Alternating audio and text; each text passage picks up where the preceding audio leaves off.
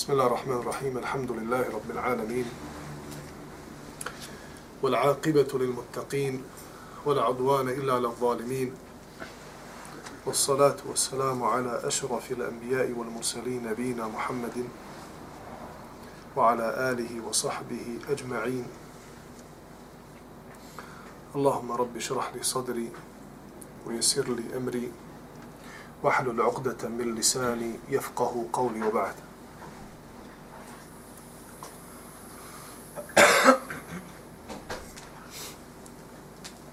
Kao što smo u prošlom predavanju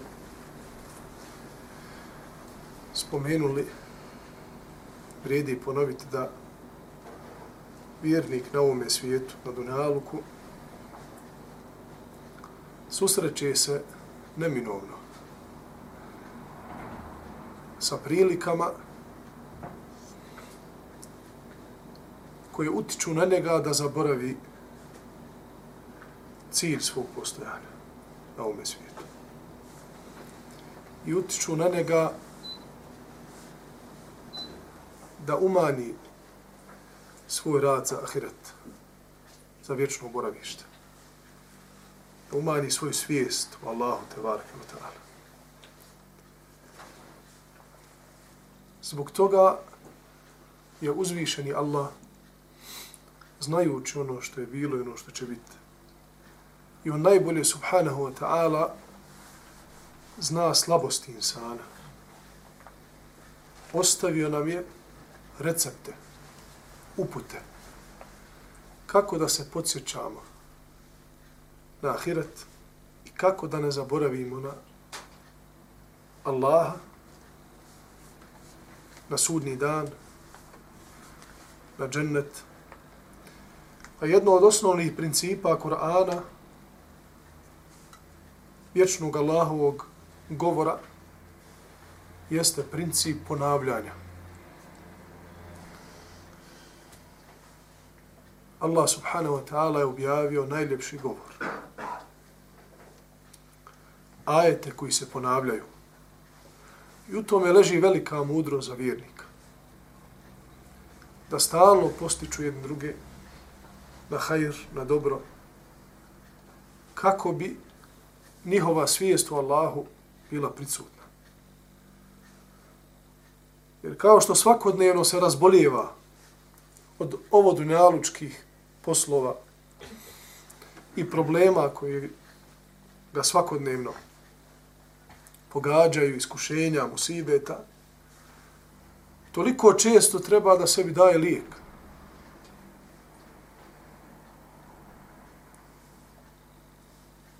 Jer su pitali jednom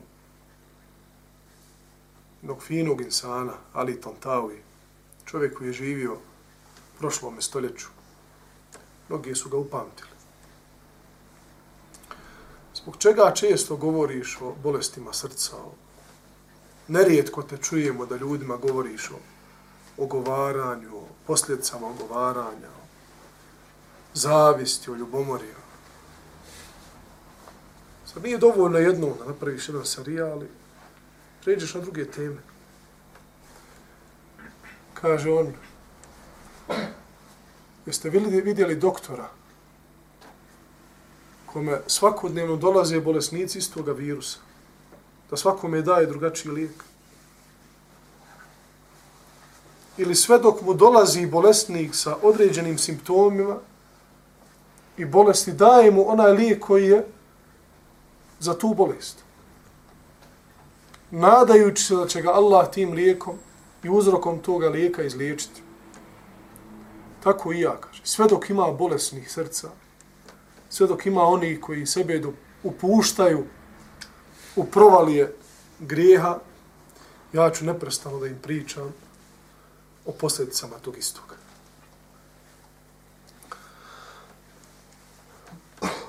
Jedno od najljepših odmarališta vjernika je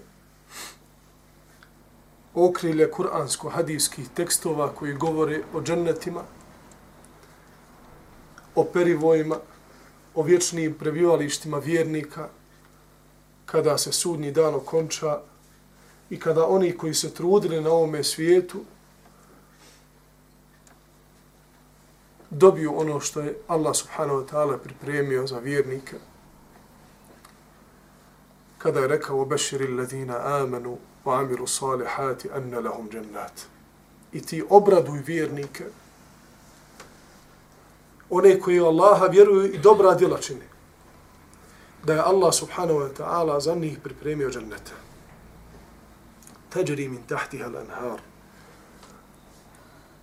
U tim džennetima imaju rijeke koje teku. Kullama ruziku minha min thamaratin rizqan kad god im bude doneseno jelo, hrana, voće, reći će ovo slično smo imali na dunjaluku. Wa utubihi mutashabiha. A oni će samo dobijati ono što je slično tome. Kao što kažu mu fesiri ovoga ajeta, samo će imena biti ista i slična. Tako da Allah najbolje zna kakva je džennetska kruška. I Allah najbolje zna kakva je džennetska jabuka i njen ukus. Kakve su banane, kakav je mango i tako dalje. Tako da će vjernici moći da prepoznaju određena imena i reći, aha, ovako slično smo nešto imali na dunjalku. Kaže poslanik sallallahu alaihi wa sallame, ješće stanovnici dženneta i piće. Neće imati sluzi. Ovo kad se insan razboli ili kad, kad jedeš nešto, pogotovo ljutu hranu, pa izlazi ti sluz. Neće imati problema sa tim. La wala yataghawatun wala yabulun. Niti će imati bilo kakvu fiziološku, ni malu, ni veliku potrebu. Pa su pitali ashabi, Allahu poslaniće, gdje će odlaziti ta hrana koju budu unosili? Pa je rekao, sallallahu alaihi ve sellema to će im odlaziti na njihov znoj koji će biti poput mirisa miska. Biće nadahnuti slavljenjem Allaha kao što su nadahnuti disanjem na ovome svijetu. Neće biti ibadeta u džennetu. Međutim, džennetlije će slaviti Allaha kao što na ovome svijetu dišu. Niko od nas ne razmišlja, ne razmišlja o disanju. Niti neko od nas razmišlja o otkucaju srca, niti radu, bilo koje drugog organa. I to je velika Allahova blagodat. Samo, braćo, da nam Allah prepusti da razmišljamo o tome kako dišemo. Svi bi pomrli. Pogledajte Allahove milosti prema svojim robovima, da im nije prepustio taj emr, pa da oni dišu, a ne obraćaju pažnju na to tako će i na, u, u džennetu vjernici slaviti Allaha, a neće osjećati zbog toga napor niti zabora.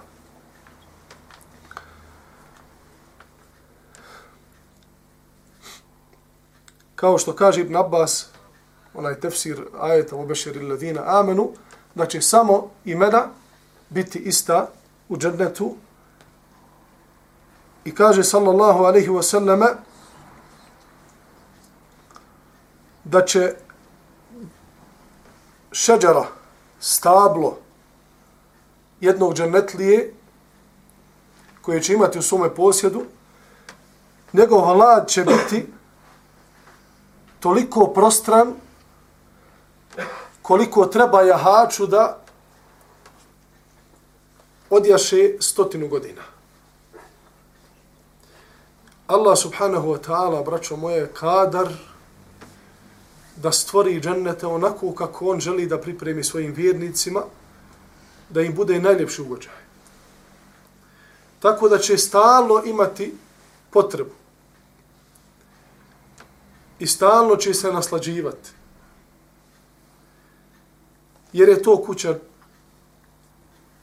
nagrade, a ovo je kuća rada. I svako onaj ko želi da promijeni i da učini ovaj svijet kućom užitka, neće uspjeti. Jer Allah subhanahu wa ta'ala nije stvorio dunjaluk da bude vječan i da se u njemu stalno uživa. Iako Allah subhanahu wa ta'ala je obećao vjernicima da će im dati lijep život na ovom svijetu. Međutim, šta znači učiniti ovaj svijet lijepim za vjernike? Allah je znao i zna da su ljudi sklonni tome da vole da odmore hladovina, sok, hrana, sve fino, obala mora, tamo žubore oni talasi. To je priroda insana. Zbog toga braćo mu je dao šta? Da njegova nagrada bude to, vječno. Postoji na ovome svijetu to isto, međutim, nije ista definicija džennetskih obala i dunjalučkih obala. Ako ćete dunjalučka obala odvratiti od pravoga puta, i ako ćete dunjalučka obala dovesti do toga da haram činiš, to nije užitak, brate moj. Nemoj pogrešno, pogrešno, pogrešno svačati, svačati ovaj svijet. Allah subhanahu wa ta'ala prvenstveno daje vjernicima lijep život na ovome svijetu tako što im usadi zadovoljstvo u njihovim prsima. Zar ne vidite da bi milione, da milioneri ovoga svijeta i oni kojima Allah subhanahu wa ta'ala dao imetak na ovome svijetu, volili bi da sav taj imetak potroše samo da dožive ugođaj sreće. Pa šta je drugi cilj? Ili ima li drugoga cilja mimo cilja postizanja sreće od onih koji na večerama troše po 200-300 hiljada? koji na jedan izlazak u grad troše ne znam koliko hiljada, koji kupuju sebi automobile od stotinama hiljada, pola miliona, milion. Zbog čega to rade? Da bi osjetili sreću svojim prsima. Allah subhanahu wa ta'ala obećao vjernicima sreću na ovom svijetu. I onda vidiš vjernika koji ne troši taj metak na ovaj način kao što ovi to rade. Nego traži zadovoljstvo u, Allah, u okrilju Allahovog zadovoljstva i sretanje. Njegov duh i njegovo tijelo i njegovo biće i postojanje ispuneno je srećom. Samo onda kada je u blizini Allaha subhanahu wa ta'ala. I neće vjernik osjećati sebe stranim na ovome svijetu osim kada je u griješenju. Jer kada je u grijehu, onda osjeća se mizernim i nema snage ni za što. Zato nemojmo prokockati sreću na ovome svijetu tako što ćemo griješiti prema uzvišenom gospodaru. Nemojmo sebi dozvoliti da izgubimo taj osjećaj sreće, jer onaj koji nas koji nam savjetuje da gubimo osjećaj sreće je davno izgubio sreću bio je među probranima. Uživao je mjesto kod Allaha. Sve je to izgubio zbog toga što je rekao ene, ja. Ene hajrum minhu. Ja sam bolji od njega. Pa i taj njegov prohtjev, ta njegova strast i oholost koja ga je tjerala da se ne pokaje, odvela ga daleko od Allaha. I on sad želi da i svi drugi mimo njega osjete gorčinu nesreće tako što će plivati i gušiti se u grijesima prema uzvišenom gospodaru. Brate moj, ima li sretnih trenutaka od onih trenutaka kada otvoriš mushaf i čitaš Allahove riječi? Kada znaš da si ustao u mrkloj noći i klanjao i bio svjestan toga da si komunicirao sa svojim gospodarom, da te upitao ima li neko da traži od mene da mu dadnem, ima li neko da traži oprosta pa da mu oprostim. I ti si spominjao te riječi u nadi da ti Allah oprosti da ti dadne ono što tražiš od njega. Zar tada nisi osjetio sreću? Jesi tako mi Allah. Nemoj je gubiti. Nemoj gubiti ono što si već zaradio i osjetio u svojim prsima. i nemoj ni, nikako pomisliti da je sreća u tome da napraviš sebi na dunjalu ku džennet ahiretski. Nikada nećeš moći. Umorili se oni koji su bili prije nas. Zar se nije naroda Ada umorio? Jeste Allah. Jesu ga zaradili? Nisu. Zar nije Semud prkosio i ohol bio i smatrao da će na ovome svijetu napraviti sebi čeif ahiretskog dženneta? Zar nije Nuhov narod pomislio da je na pravome putu? Da mu ništa bolje od toga ne treba? Allah nam navodi o tim pokoljenima prijašnjim primjere. Kako bi shvatili da su se oni umarali na ovome svijetu da naprave sebi ovo svjetski čeif, kako da postanu vječni i ljudi danas, braćo moja, najviše istražuju to kako postati vječan. Kako ostati na ovome svijetu vječno? Pa ajde vidimo preko DNK. Pa može li se klonirati? Pa može li ostati svijest? Pa ne može. Pa hajde, hajde da se zaledimo. Pa da se odledimo nakon hiljadu godina. Ne može da selimo neku drugu planetu koja nas neće izjest vremenski kao što nas izjeda zemlja. Nećeš moći. Unaprijed se kaže. Na sudnjem danu Allah će subhanahu wa ta'ala sve jednoga proživjeti. Ali zbog čega taj trud njihov u kojeg ulažu milione, samo zbog toga da sebi naprave na ovome svijetu čif. Allah obeća onima koji vjeruju dobra djela čine, da sve ono što žele na ovome svijetu dobit će na ahiretu. I više od toga. Ali subhanallah, kao što Allah tebareke wa ta'ala kaže u Kur'an i Kerimu, čovjek je naj, najveći najveće stvorenje koje je spremno da se raspravlja. Nema stvorenja koje Allah subhanahu wa ta'ala stvorio, a da je spremni od insana, od čovjeka da se raspravlja. Da on je, on je inovator, on zna bolje.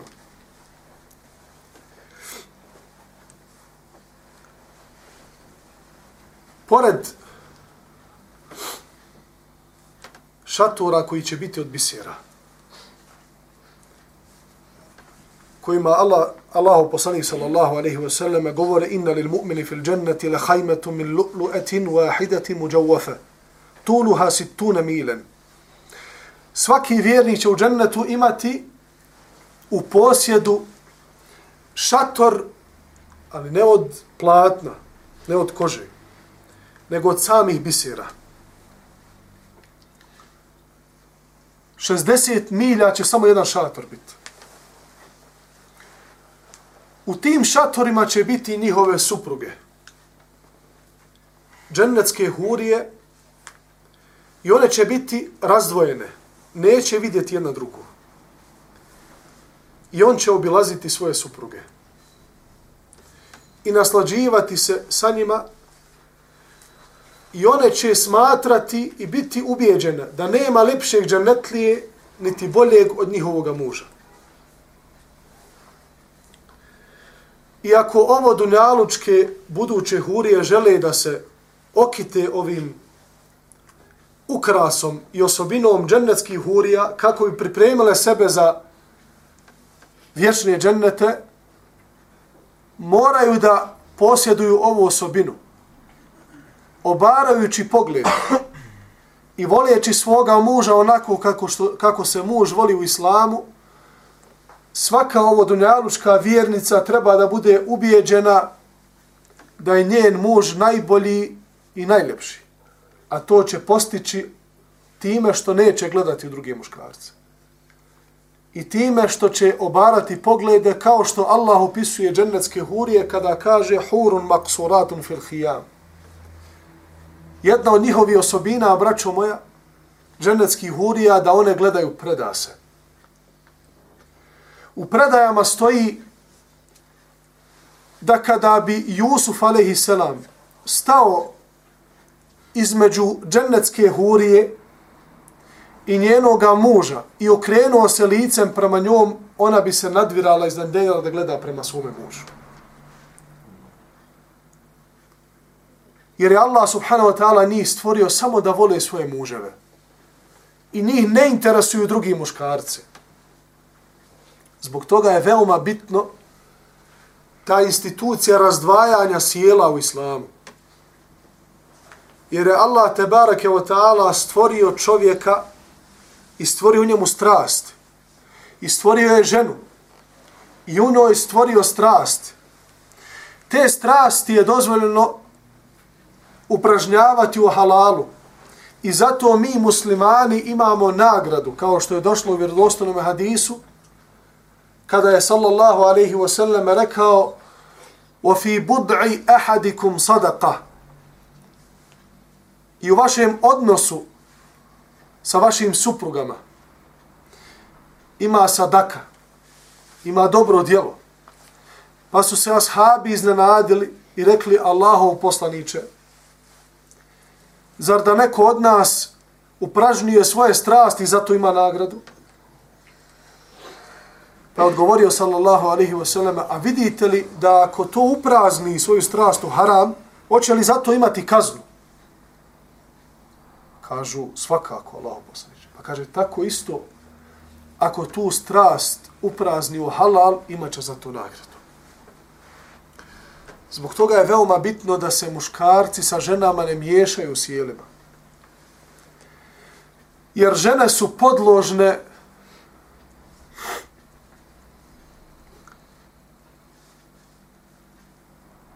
govoru. Pogotovo me laskavome govoru, što nije slučaj u većini primjera sa muškarcima. Međutim,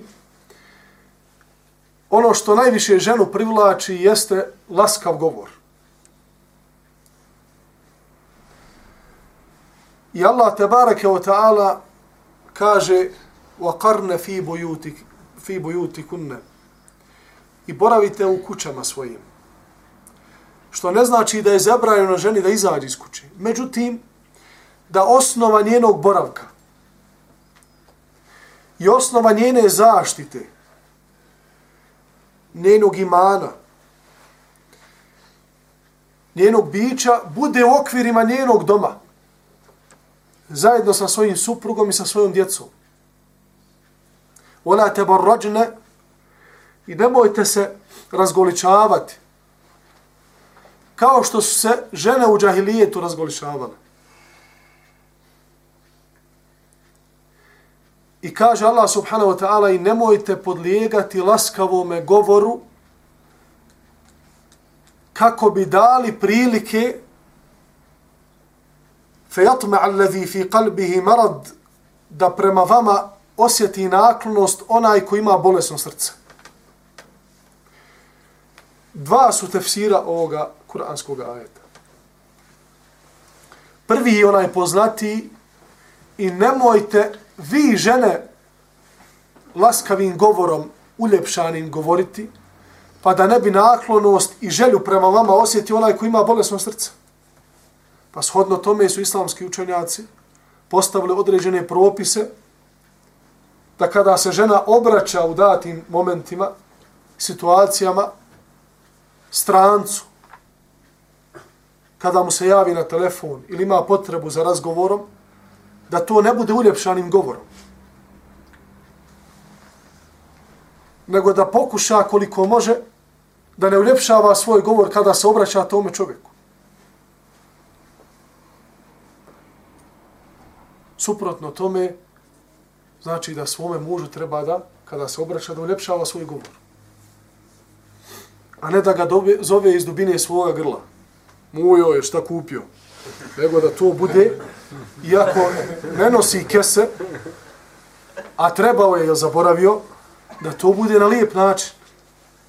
Jer ono što najviše plijeni kod muškarca jeste da osjeti od strane svoje supruge da mu se lijepim govorom obraća blagim. Jer muško je po prirodi takvo da kada osjeti napad, prvo što uradi je diže gard. I onda belaj. Nego je na ženi da lijepim govorom, onim koji Allah subhanahu wa ta'ala je obdario da je blizu sihira, Ha? Žena ako želi da opsihri svoga muža na halal način, to joj je dozvoljeno. Ne mislim da ide tamo kod nekog para hođe, pa da on zapisuje tamo. Ha?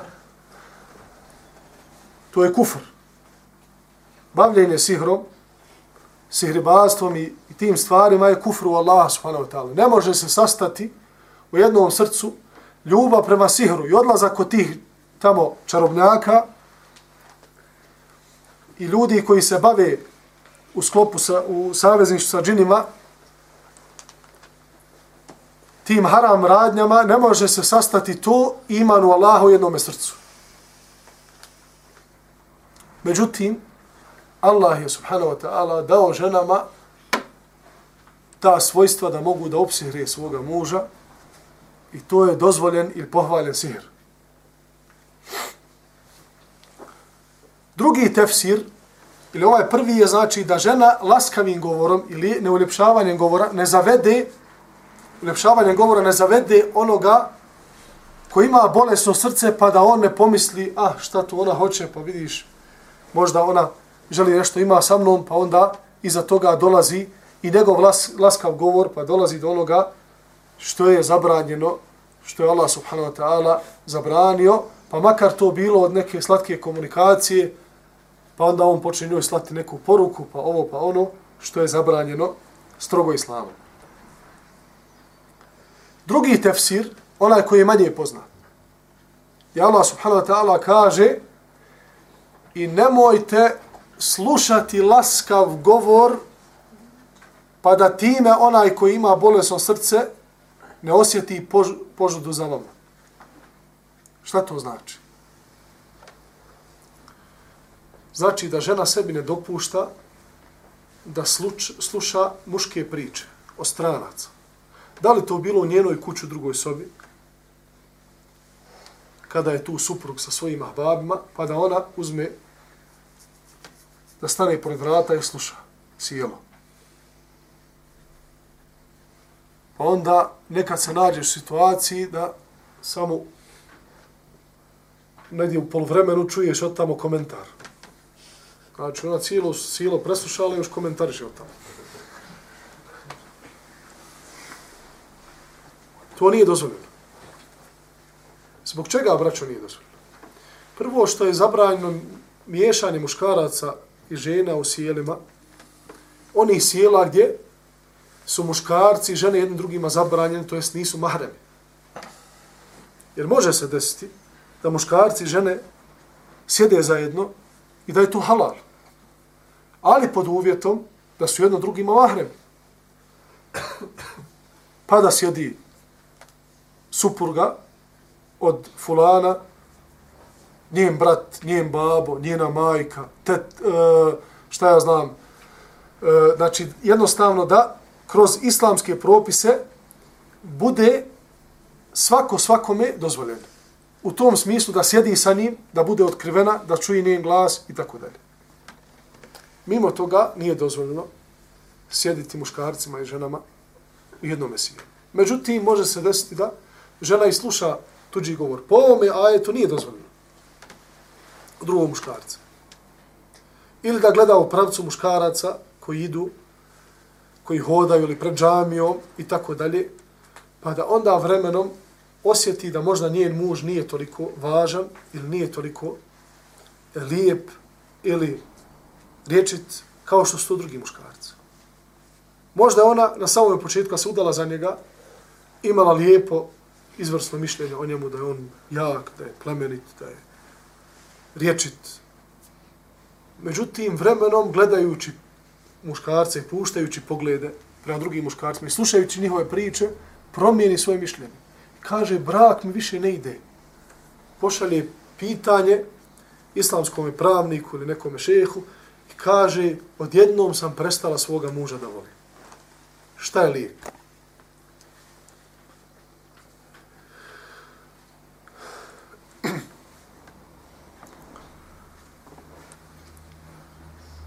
Jedna sahabika je pogledala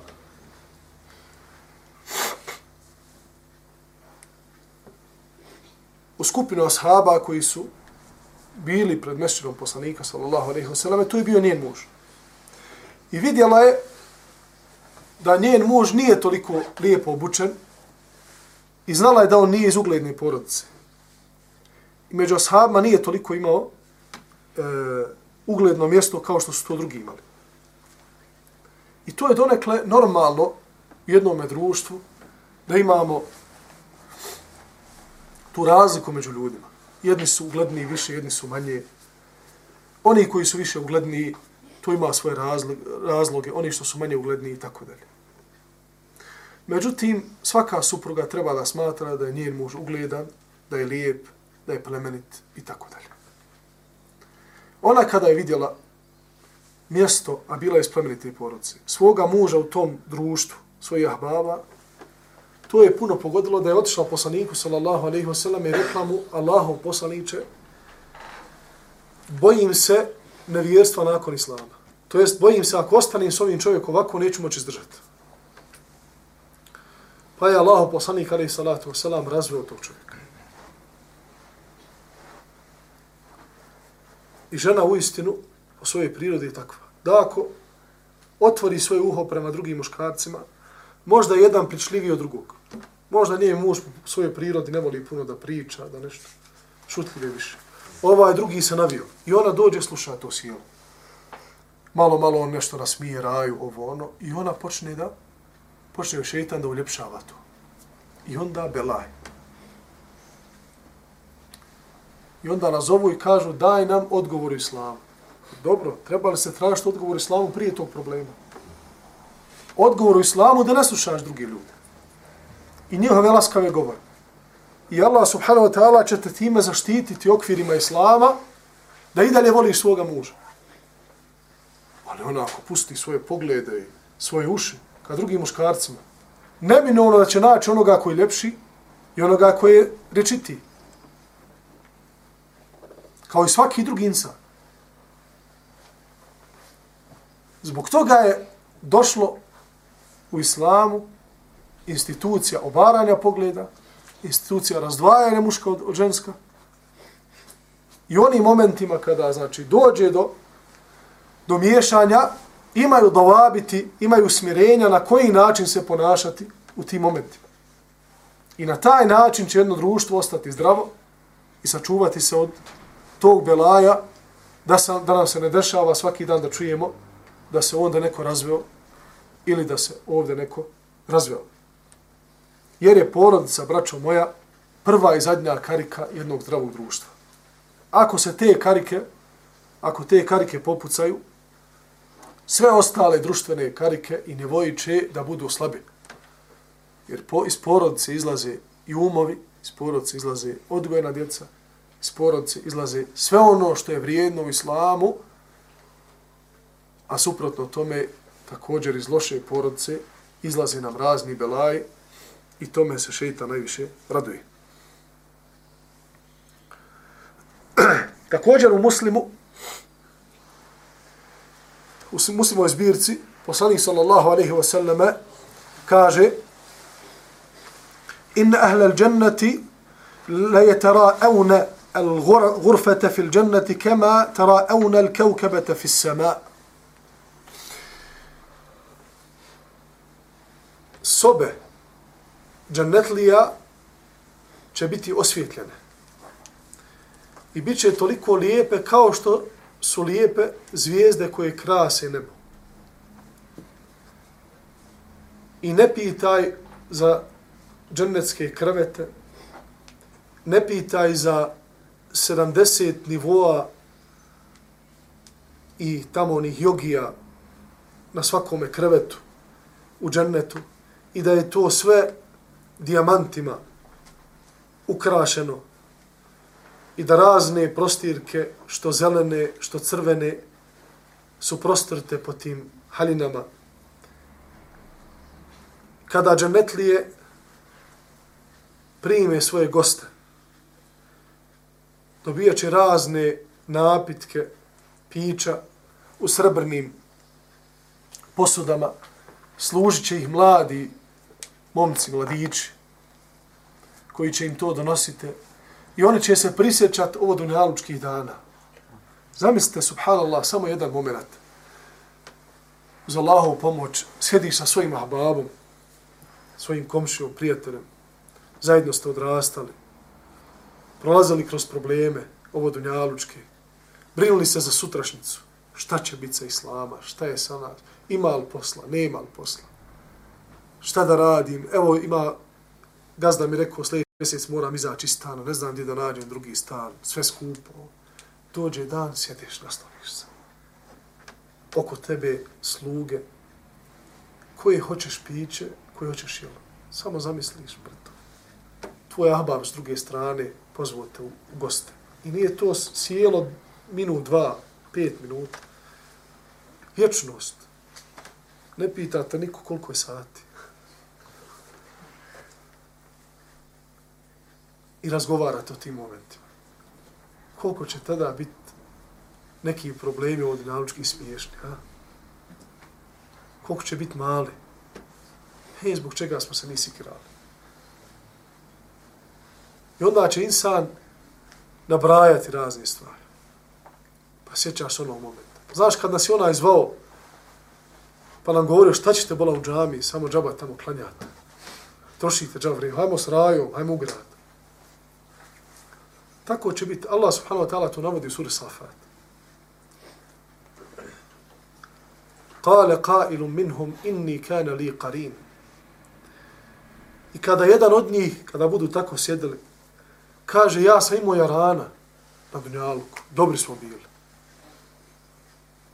Međutim, taj njegov jaran nije htio u džamiju. Nije htio da vjeruje Allah subhanahu wa ta'ala. Nije vjerovao u ahiret. A idha mitna wa kunna turaben wa ivamen, a inna la medinun. Kaže, kada pomremo i postanemo prašina i same kosti, zar ćemo biti proživljeni i pitali za ono što smo radili? Ma daj, kaže, nema to ništa. Ko se živ vratio? Halet Allahi in kitele turdin. Kaže, tako mi Allaha, malo je falo da me zavede. Opasni, imaju filozofiju. Daj, kaže. Provedi se jedan život. Hajde vidiš koja je raja, kaže, nismo jedini. Jednom je u srednjoj, kaže jedan, na fizičkom smo tam bili. Odi ovamo, kaže. I onda ti vjeruješ u džennet. Tako vjerujem Allah. Pa kaj bola, šta ćeš tamo, kaže. Vidiš koji ćemo mi, kaže, u džehennemi, muzičari, pjevači, nama će kad biti bolje nek vama. Sva ona, kaže, dobra raja s ovoga svijeta, svi će, kaže, u vatru. Mi ćemo se kazati, Boga mi rekao, nećete se zabavljati. Ako uđete tamo, nema ni gitara, nema ni... On mi to kaže. Kaže, vama će biti dosadno tamo. Sve ozbiljna raja ode, kaže, u džennet. Evo, ovako im riječ. Rekao, molim Allah da to puti. Ne znam, vjerujem šta je sam.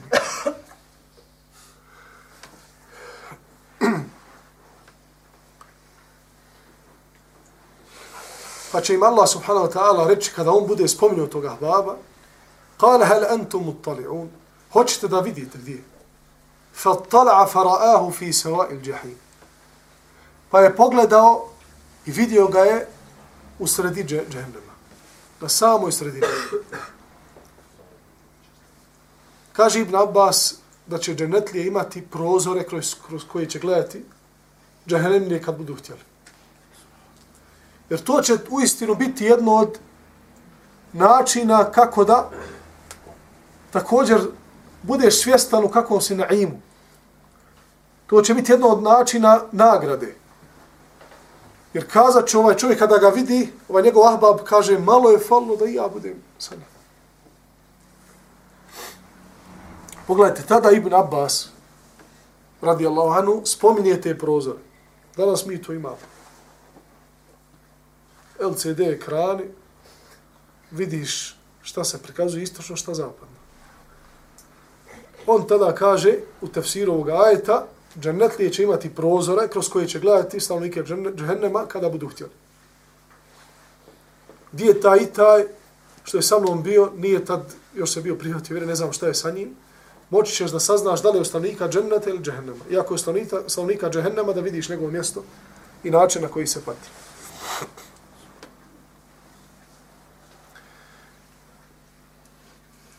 Kaže također poslanik sallallahu alaihi wa sallame, džennetlije će imati svoje sobe,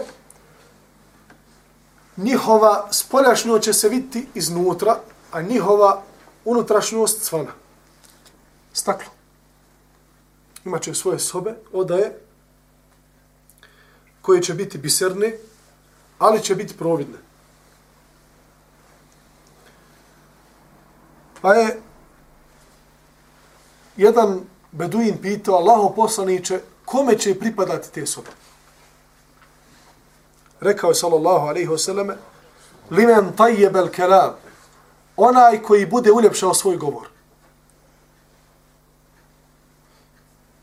Onaj koji bude uljepšao svoj govor. Wa at'ama ta'am i bude hranio ljude.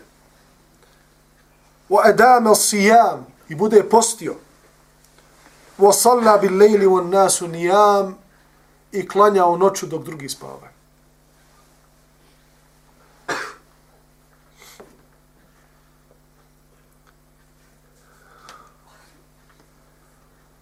Koliko je sati? 10 ljudi. Koliko sam ja počeo predavanje? Oko 8, je li tako? 8, 10. 8 i 10.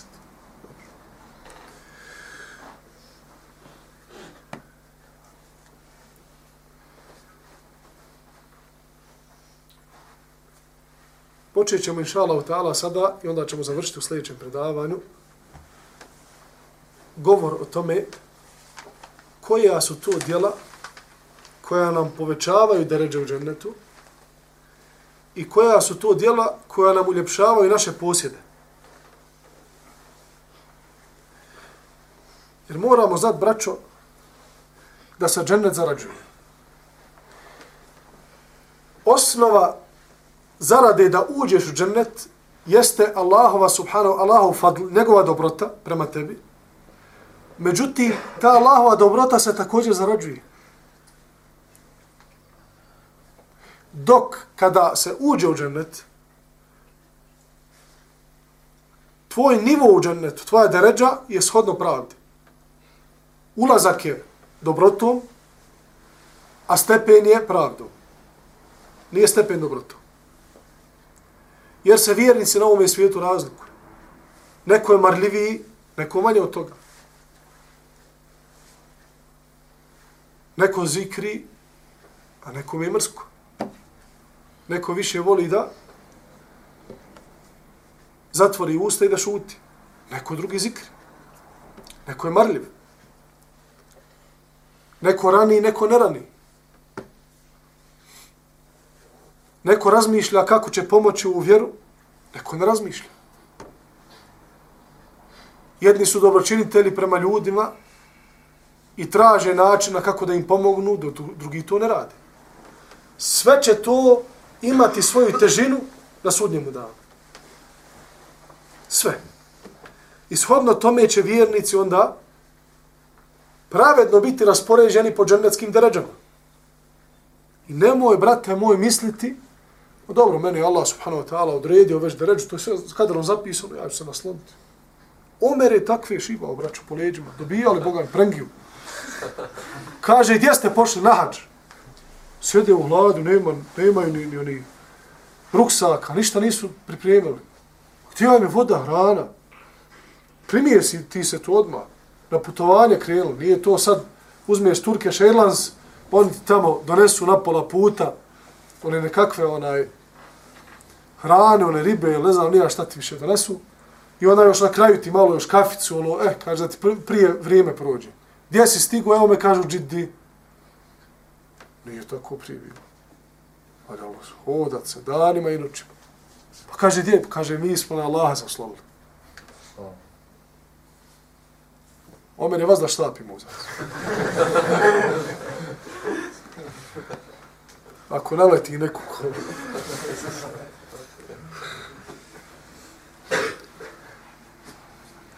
Pa im je dao do znanja, štapom, da to nije tevakul, ispravno, nego da je to tevakul, na arapskom tevakul, znači neispravno ostane na Allah. Sjedeš kući i kažeš meni Allah hoće odrediti, hoću u dženet ili dženet. Jer kaže ima hadis vjerodostojan, da je poslanik sallallahu alaihi wa sallam rekao, čovjek će činiti dijela dženetlija, sve dok, izme, sve dok između njega i dženeta ne bude koliko je Allah, samo što nije ušao. Pa će ga preteći kadar i ući u džehennem.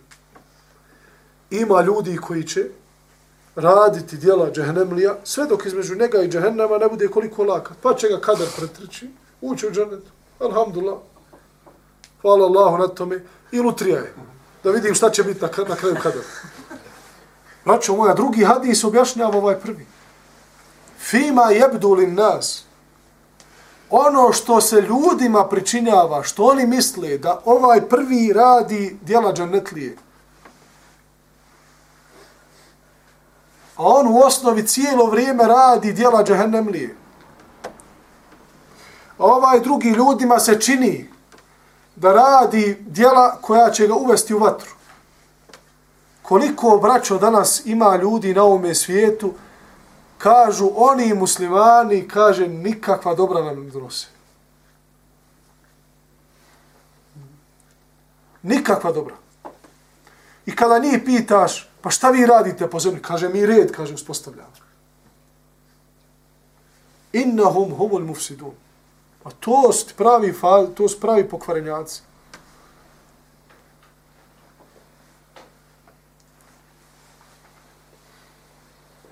I ti ljudi kada dođu na sudnjemu danu i kada uđu u džehennem, pitaće gdje su ti vjernici. Oni su ubijeđeni bili, subhanallah, da će vjernici u džehennem također. Jer misle da vjernici ne radi dobra djela. Kaže, to sigurno naši pogledi ne mogu da ih dokuće. Oni su negdje u džehennemu, ali mi ih ne vidimo. Allah kaže, oni ovoga dana su zaslužili ono za što su radili u džennetu, skroz drugo mjesto. Tako da se ne smijemo oslonuti na kader. Da kaže, meni je moja dređa zapisana, ja, alhamdulillah, klanjam pet vakata. Brate, gradi svoj džennet. Jer može Allah subhanahu wa ta'ala upravo pogledati na tvoj trud i tvoj svakodnevni, tvoju svakodnevnu brigu za kuću koju, koju ćeš vječno ostati. Pa ti se smilovati svojim fadlom i svojom dobrotom te uvesti u džennet. Jer svako onaj, kao, kao što je sallallahu alaihi wasallam rekao, men bena lillahi mesčiden, bena Allahu lehu bejtan fil dženna mutafakun alaihi hadis. Ko sagradi mesčid, džamiju na ovome svijetu, Allah će mu sagraditi kuću u džennetu. Ti na ovome svijetu, Allaha radi, Allah tebi na, na ahiretu. Jedan od osmanskih sultana htio je da sagradi džamiju. Kako bi ispunio ovaj hadis? I zaprijetio radnicima. Ne smijete ništa uzeti od nekog materijala, od neke cigle, osim iz mog privatnog imetka, ne privje, imetka države, iz budžeta, ne, ne, ne, njegov imetak, lični. Ovo sam ja zaradio. Evo vam od početka, od temelja do kraja minareta, moj metak da se utroši. Je li jasno? Sve i po redu, sultan. Jasno, sultan. Jednoga dana, gradeći džamiju, prolazila jedna starica. Ja ne znam za vjerodostojnost ovoga rivajeta. Međutim, ne, ta ova, ova priča, ovaj govor, ne kosi se s osnovama šarijata, braću. Jer je osnova u šarijatu, braćo, da se dijela cijene prema nijetu i da Allah neće optrati čovjeka osim preko ono što on mogućnost. La yukellifullahu nefsan illa usaha. Allah neće zadušiti čovjeka osim onoliko koliko je moguće. Ta starca je zamolila ovoga radnika da ona samo uzme ciglu da stavi na jedno mjesto. Pa se on sa njom prepirao, rekao, ne, ne može, to je moj posao. Ona kaže, tako ti Allaha, daj mi samo da ovu ciglu, ovo ja mogu da radim, za vjeru. Ja nemam, ja sam fukara. Ne imam banke u džepu. Ali za Allahu vjeru mogu, ako ništa, uzeti onu ciglu i staviti je na to mjesto. Pa je smilovao se starica, stara, oronula. Pa ovaj radnik se smilovao i kaže, hajde, ne jedno, stavi. Pa je ona ugradila tu ciglu u jedno zidina te džamije i nastavilo taj sultan kad se završila džamija sanja da je na sudnjemu danu i da je dobio nagradu za tu džamiju, da mu je Allah ukabulio. Ali sanja jednu starcu da istu toliko nagradu dobio. Kao i on. Kad se je probudio, postrojio radnike, zovno i sve one, znaju. Šta ste uradili? Kaže, nismo ništa. Čiji ste imetak uzeli? Kaže, tako nam Allaha tvoj, ono što sam ti rekao, nismo Allahom drugačiji. Ima nešto, nisam džaba usrio. Kaže ovaj jedan, subhanallah, on im ispričao sam. Kaže, ja se sjećam da jednoga dana jedna starica prolazila i kaže, mogu li te zamoliti da ugradim samo ciglu? Kaže, tu je to. Ona je razmišljala kako da ugradi sebe i nešto od sebe da dadne za islam. Ona je mogla da podigne ciglu. Sultan je mogao da napravi džamiju, imao je novac. Da je ona imala i ona bi napravila. Imate u Turskoj jednom selu džamiju koja se zove i dan danas, preču. Kao da sam pojela. Ste čuli za tu džamiju? Niste čuli. Prije otprilike 600 godina živjela je žena, braćo moja, koja je volila tufahiju. Kolač. Bila je, to je bila fitna. Svaki dan je morala da to jede iskušenja. Svaki dan želda kaže daj jednu tufahiju. I otišla bi do dućana da kupi tu tufahiju kao mlada, znači. Kao djevojka. I trošila bi na to imetak. Bila je vjernica. Jednoga dana sjede sa sobom i kaže, a nije imala mnogo pa novaca. Ali džaba je zadnji dinar daje za tufahiju. Kaže, što ja ne bi ovaj novac što trošim, da malo stegnem sebe, i onda ovo što, tra, što, što ću da pojedem, stavim na stranu, ne bi li jednog dana Allah mi olakšao da napravim džamiju s tim novcem. Godinama, braćo moja, ostarila kao starica. Svaki dan dođe do te radnje, pogleda u tofahiju, uzme za novac i kaže kao da sam pojela, okrene se ode kući, uzme te pare i stavi u kasu. Kada je ostarila, otvorila je tu kasu i vidjela da je to dovoljno novca da napravi džamiju.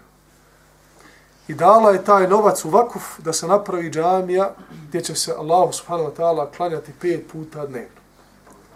Ta džamija i dan danas je otvorena i dobila je naziv po toj ženi kao da sam pojela.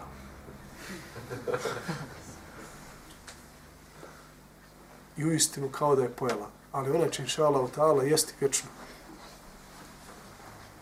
Ona će vječno jesti. Zbog toga gradimo svoj džennet, jer također ona kome Allah subhanahu wa ta'ala nije dao da može sagraditi džamiju. Kako bi time zaradio kuću u džennetu, svakom od nas je olakšao da naučimo suru koju naša djeca poznaju. Kaže sallallahu alaihi wa sallam, ko prouči kul hu Allahu ahad dnevno deset puta, ben Allahu lehu bejten fil džennet. Allah će mu sagraditi kuću u džennetu. Braćo moja, ovaj hadis je vjerodostojan, šehhul Albani ga uvrštava u vjerodostojnu silsilu svojih zbirka koji je, koji je, na, koji je sastavio, vjerodostojni hadisa, od Muaz ibn Džebela radijallahu anhu. Deset puta dnevno. Kul hu Allahu ahad. Allahu samed. Lem jelid, volem juled, volem je kullahu kufan ahad. Kuća u džennetu. Nemaš novaca. Evo, na drugi način.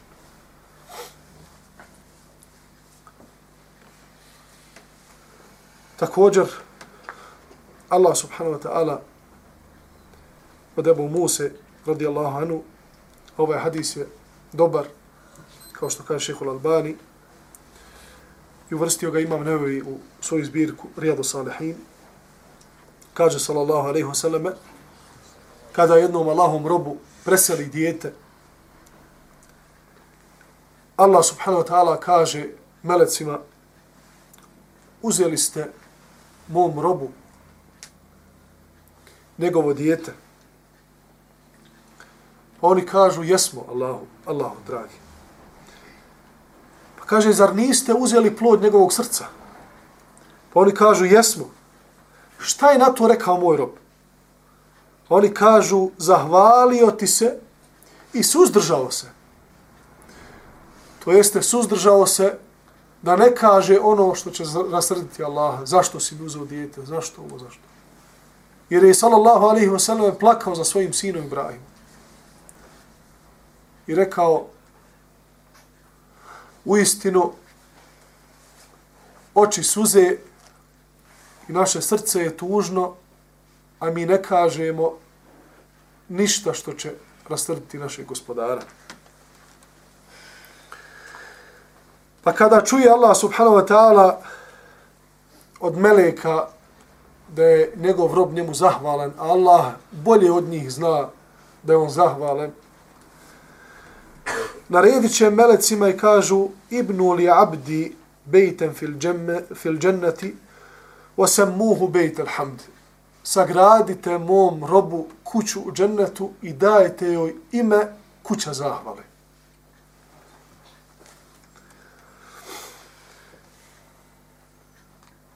o popunjavanju safova i na koji način povećati deređu u džennetu i koja su to djela također koja nas približuju toj vječnoj kući i nagradi u narednom inša ta'ala predavanju ako nas Allah subhanahu wa ta'ala poživi moleći Allah da nam se smiluje da nas obraduje ulaskom kroz džennetske kapije da nas nastani u džennetul firdeusu da se smiluje svim muslimanima i muslimankama da nam oprosti grijehe, da nas zaštiti od raznoraznih iskušenja i fitni i nedača nas i naše porodce i da se smili našim mrtvima.